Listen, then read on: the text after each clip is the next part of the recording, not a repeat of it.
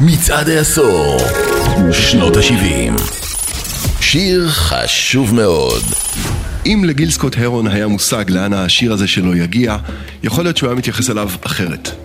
זה התחיל ב-1970, עם פואמה עמוסה ונוקבת, שכתובה בשפת רחוב ושירה ולא מתנצלת, פואמה שהוקלטה בליווי כלי הקשה בלבד.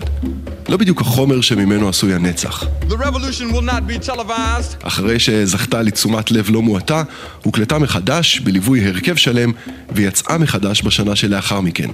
הגרסה הזו היא שתהפוך לאחד מהרגעים המכוננים של שנות ה-70. יש בשיר הזה אין סוף התייחסויות לתרבות האמריקאית והעולמית. החל מנער הפוסטר של תרבות האסיד טימותי לירי, דרך שחקני קולנוע ודמויות מסרטים מצוירים, ועד פוליטיקאים ומנהיגי תנועות מחאה. כולם יחד מסרטטים את הכישלון הידוע מראש של המהפכה, שנקפרת תחת כוחה של ההגמוניה, מוסתרת על ידי תרבות פופולרית מקהת חושים. גיל סקוט הרון לא היה גיבור טיפוסי.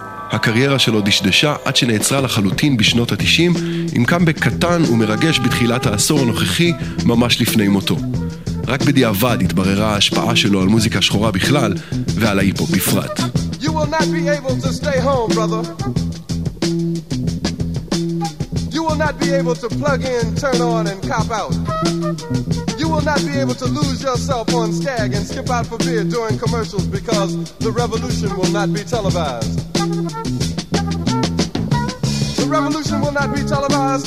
Revolution will not be brought to you by Xerox in four parts without commercial interruptions.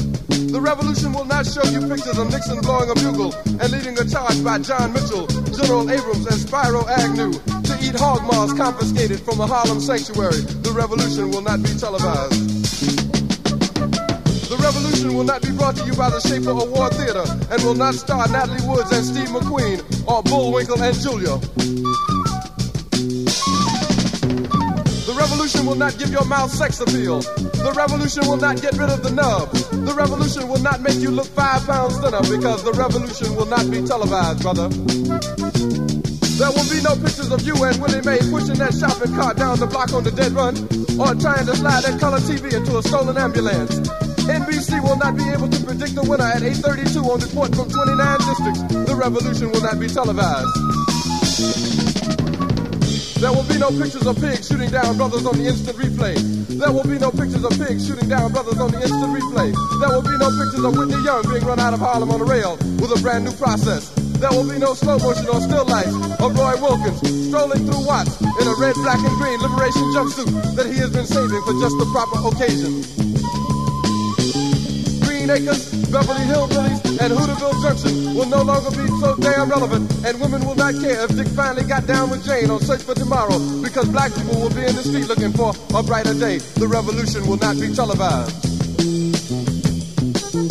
There will be no highlights on the 11 o'clock news and no pictures of hairy armed women liberationists and Jackie Onassis blowing her nose song will not be written by Jim Webb or Francis Scott Keys, nor sung by Glen Campbell, Tom Jones, Johnny Cash, Engelbert Humperdinck, or The Rare Earth. The revolution will not be televised.